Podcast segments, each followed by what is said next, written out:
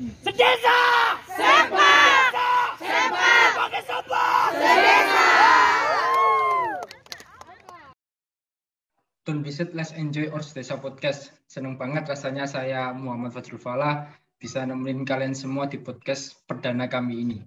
Buat kalian semua nih yang mungkin baru bangun tidur, lagi rebahan di kasur, lagi menyantap sarapan, lagi ngecil ala-ala, Semoga podcast kali ini bisa menambah semangat untuk mengawali hari-hari Anda. Nggak usah berlama-lama lagi, bersama saya sudah ada Fahrul Mutakin yang akan menemani eh, kami dan kalian-kalian semua para pendengar di aktivitas yang sedang dilakukan. Oke.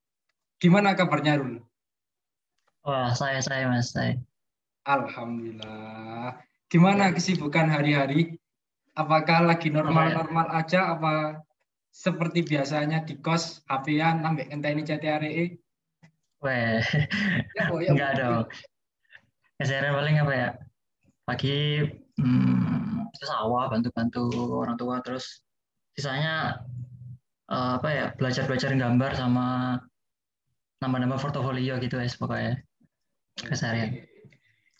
Berarti nambah-nambah portofolio buat apa ini? Kan katanya Weh. nih, cari ini, cari ini. Seni Ya. rupa nanti lulusannya itu nggak belum jelas jadi apa, meskipun pendidikan loh. Ya ya ya. Ya belum belum jelas juga sih mau jadi apa juga. Kalau ditanya buat apa portofolionya ya eh, aku menyiapin aja yang terbaik kan kita nggak tahu ya apa ya.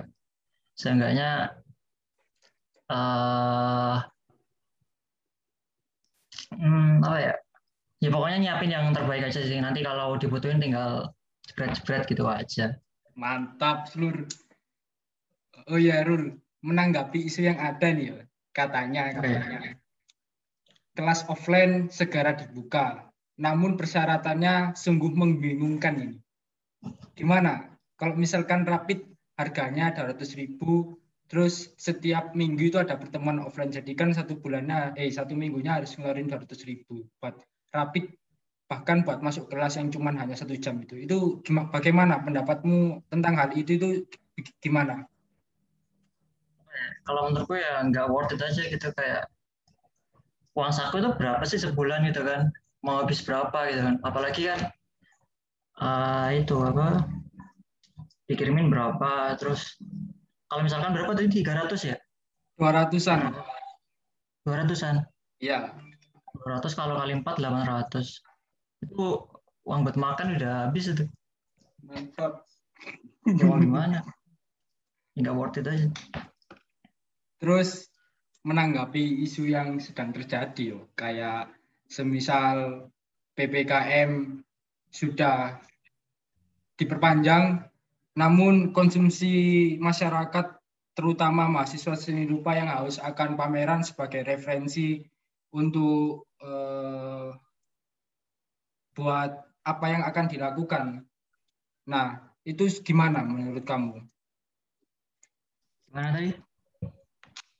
Kayak gini, ditutupnya pameran ketika PPKM untuk menjadi acuan gitu loh, bagaimana berkarya itu seperti apa gitu, atau eh, menciptakan pameran yang di mana penontonnya atau penikmat itu bisa menikmati acara tersebut kayak menikmati pamerannya gitu loh jadi kayak pamerannya itu ada isinya gitu jadi nggak sekedar cuman pameran majangin karya tapi penikmat itu bisa memperoleh pelajaran ataupun referensi dari pameran itu sendiri Hmm, apa ya? Kalau dari aku mungkin kita lakuin yang sebisa mungkin aja. Mungkin kalau apa ya? Kalau keterbatasan kayak eh misalkan kekurangan kekurangan apa dibatasin eh, kayak jumlahnya atau apa gitu, mungkin hmm, diakalin pakai media-media lain atau media-media yang bisa kita lakuin aja. Kalau menurut Farah gimana? Aku tanya balik coba. waduh Ada pandangan-pandangan lain gitu? gimana yo Lek menurutku sih diperpanjangnya ppkm ini ada positif dan negatifnya. Jadi tergantung bagaimana kita menatapnya lek kataku. Soalnya aku kemarin ke daerah sebelah Jawa Tengah di Jogja itu. Nah, itu meskipun PPKM tapi semangat untuk berkeseniannya itu masih tinggi. Dalam artian mereka para pelaku seni itu masih membuka pameran-pameran secara kolektif gitu. Meskipun adanya larangan PPKM loh. Kayak hmm. kayak contohnya lah kiblatnya pameran ya. Bisa dikatakan itu arjok. Arjok itu cuman yang datang itu pun cuman undangan gitu. Sedangkan saya yang bukan undangan bisa masuk dengan cara saya punya teman jadi pengkarya di sana, jadi pengkarya itu memasukkan saya ke Arjok gitu. Oh, Anda dapat golden ticket gitu ya? Iya. Jadi aku melihatnya itu jiwa-jiwa keseniannya itu masih membara lah di zaman yang seperti ini. Terus di lain Arjok juga itu ada Warta. Warta itu pas di alun-alunnya malan. Tapi masih aman-aman aja. Itu pun boleh dikunjungi sama pengunjung-pengunjung lah sama penikmat-penikmat pameran atau penikmat seni. Itu sih. Oke, kalau kalau dari pengunjung gimana? Maksudnya ada mm, larangan jaga jarak gitu atau ya bebas kayak ya larangannya bebas kayak sebelumnya gitu? Uh, mungkin prokes itu masih dipegang teguh lah, masih menjadi hal yang belum bisa lepas dari kita. Tapi ya mungkin melanggar melanggar peraturan yang ada tentang ditutupnya kebudayaan atau apa pun lah itu. Itu mungkin perlu dilakukan sih untuk tidak menghilangkan jiwa-jiwa yang lagi bergejolak lah gitu. Harus ya? Harus harus harus. Fardu ain lah. Siap oh ya Rul. Gimana? Gimana, uh, gimana dunia-dunia Oh ya, dengar-dengar kamu sekarang ini lagi seneng kayak gambar-gambar ilustrasi gitu ya? Iya, uh, belakangan ini aku lagi bikin kayak digital painting semi realisme gitu kan. Jadi masih belajar-belajar juga kan, apa ya, nyiapin buat portofolio gitu. Oh, dengar apa uh, menanggapi tentang hal itu itu susah nggak bikinnya atau ada software-software yang tertentu yang berbayar atau gimana atau ada kayak harus mempunyai pen atau cukup dengan pakai mouse gitu? Uh, mungkin apa ya? Kalau kalau dari aku mungkin awalnya aja yang kayak perlu ngeluarin mo ya modal lah katakanlah modal kayak pen pen atau beras-beras yang kamu pengenin. Kalau dari aku kemarin beli apa ya beras sih. Walaupun masih walaupun banyak yang gratis ya so apa beras-berasnya so varian gitu. Kan yang aku pengenin ya yang berbayar itu. Ya udah aku ngeluarin dikit banget gitu. Seenggaknya sekali buat seumur hidup gitulah kalau katakan.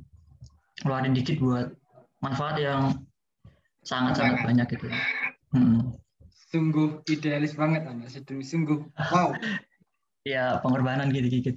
Kalau dari apa ya lama pengerjaannya mungkin relatif ya. Mungkin karena aku kayak masih baru di media ini masih berapa ya? Setahun mungkin belajar fundamental gitu.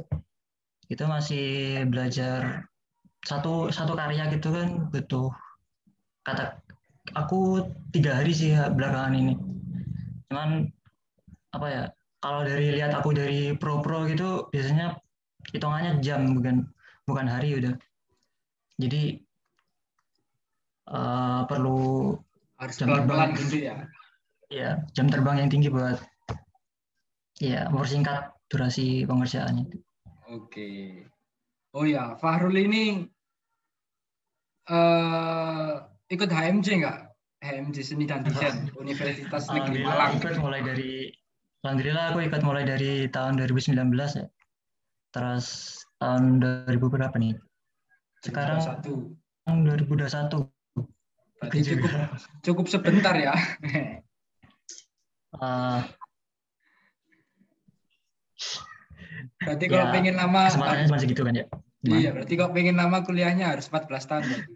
Apa eh 14 tahun, 8, 8, 8 tahun berarti. Kalau pengen lama. Oh iya, ngomong-ngomong HMC ya, Farul ini menjabat menjabat apa di HM di seni dan desain? Eh, alhamdulillah kemarin diamanai jadi kadif di apa ya, ekstrakurikuler dan bakat minat. Iya, kalau salah itu.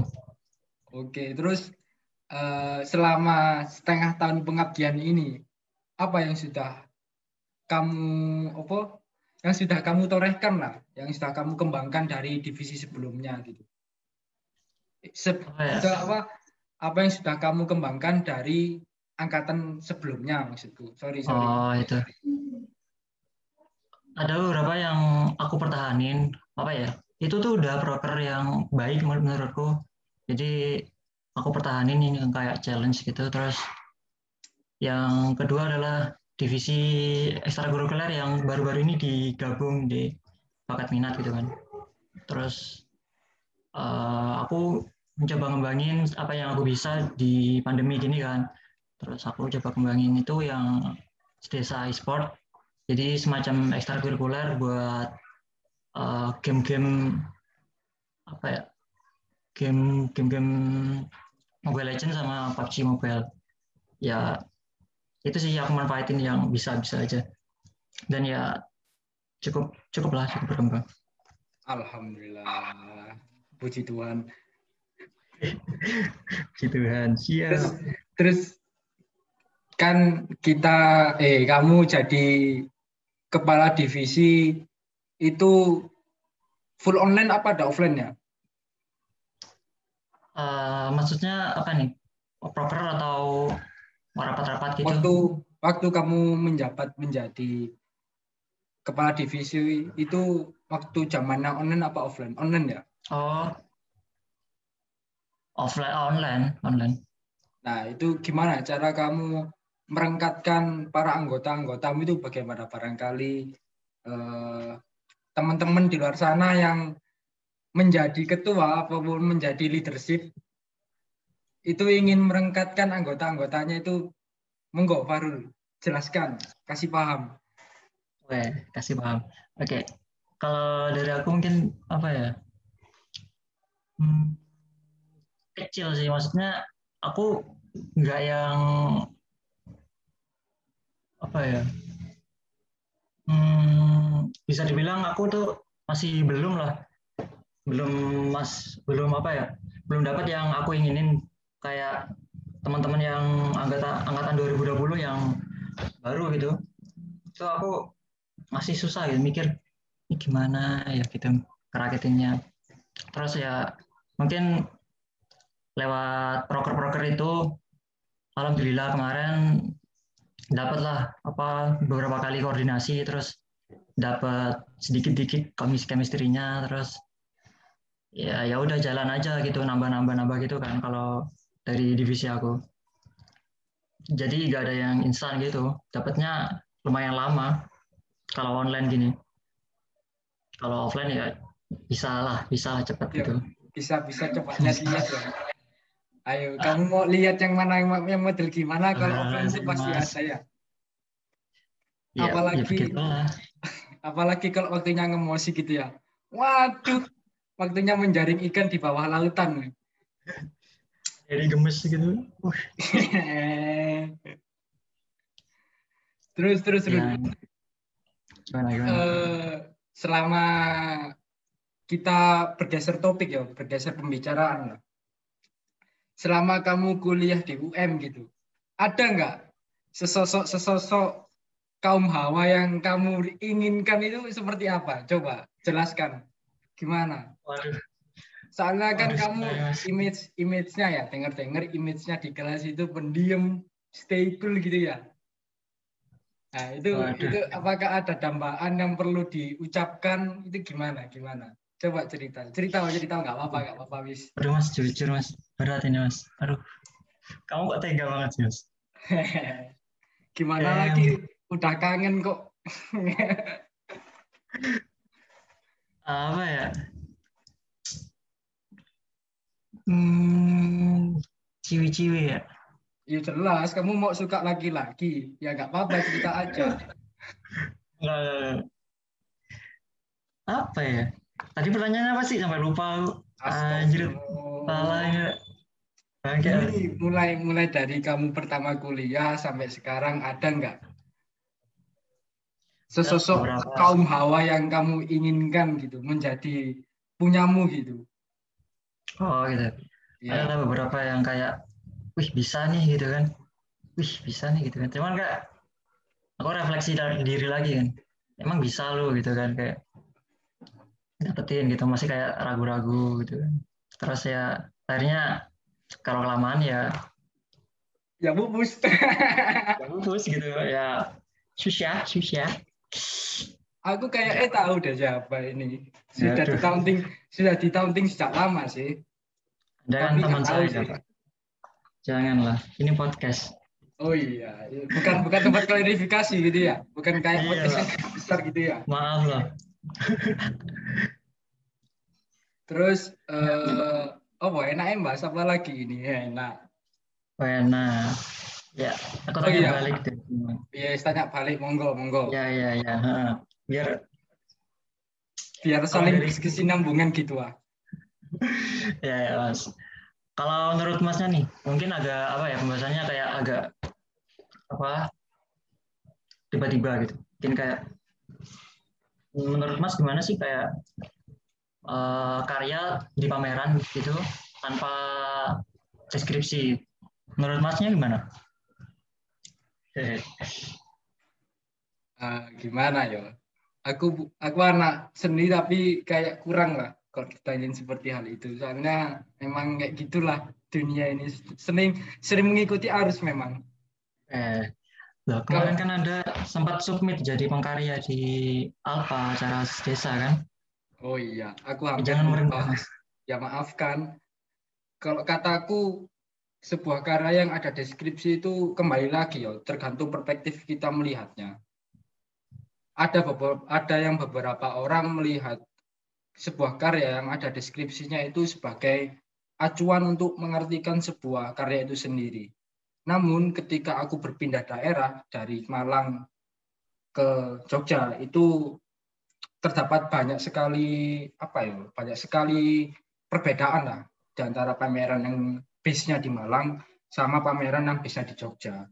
Nah, untuk yang kita bicarakan kan, kan tentang apa namanya tentang deskripsi bukan tentang karya itu bagaimana. Jadi aku jawab yang deskripsinya. ya.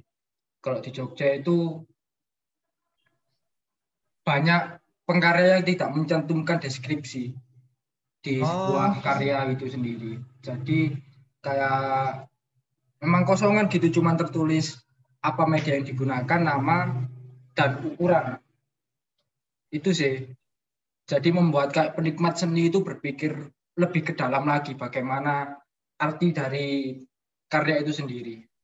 Jadi kayak lebih mengasah otak gitu loh. Cek ada pinter-pinternya dikit. Jadi kak, kak, menutup kemungkinan yang ada deskripsi karyanya itu tidak membuat penikmat seni itu tidak berpikir enggak gitu. Jadi kan aku kan sudah bilang kayak eh, tergantung tergantung perspektifnya melihatnya itu seperti apa gitu.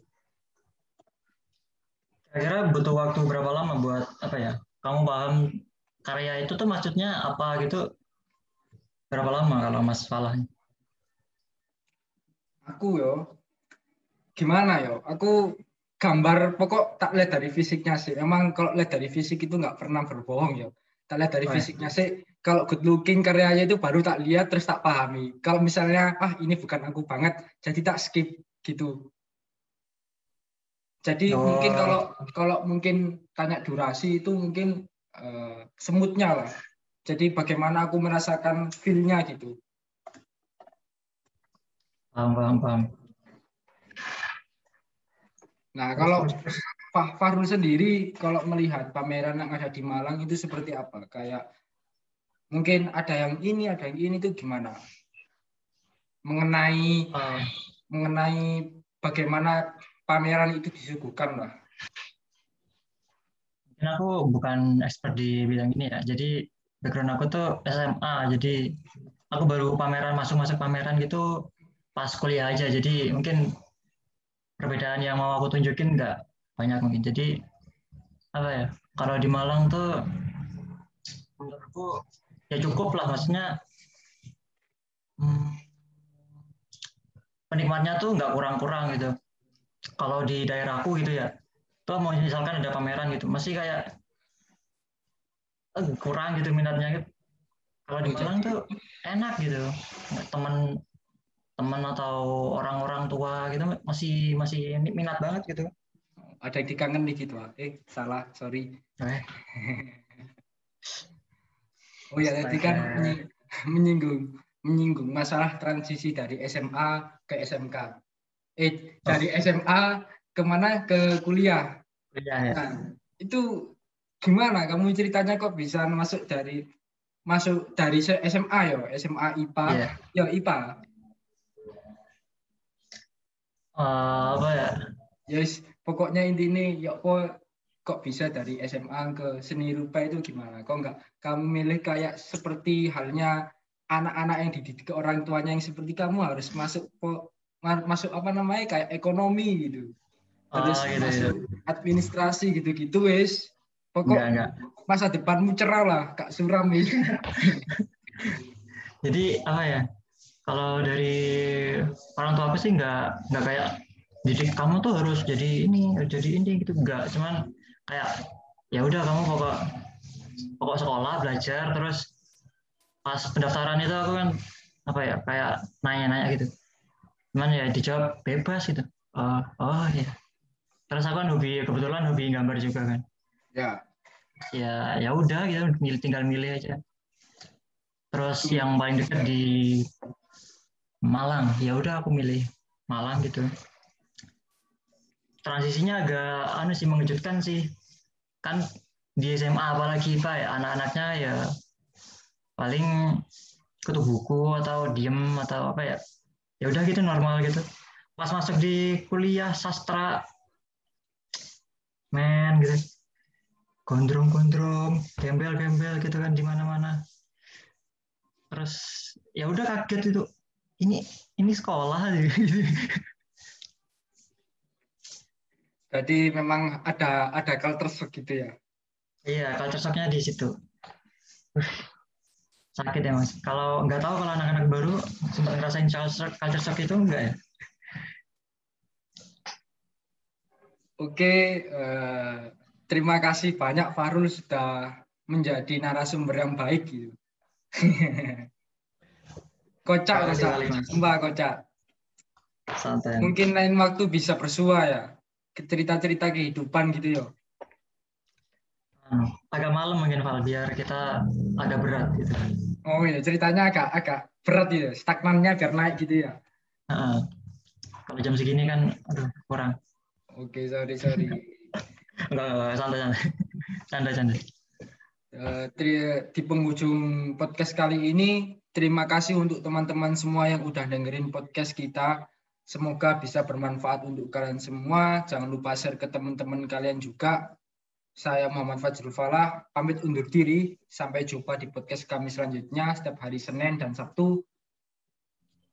Pak Sidrun pernyanyi orkes. Stay tune di Desa Podcast. Sampai jumpa semuanya.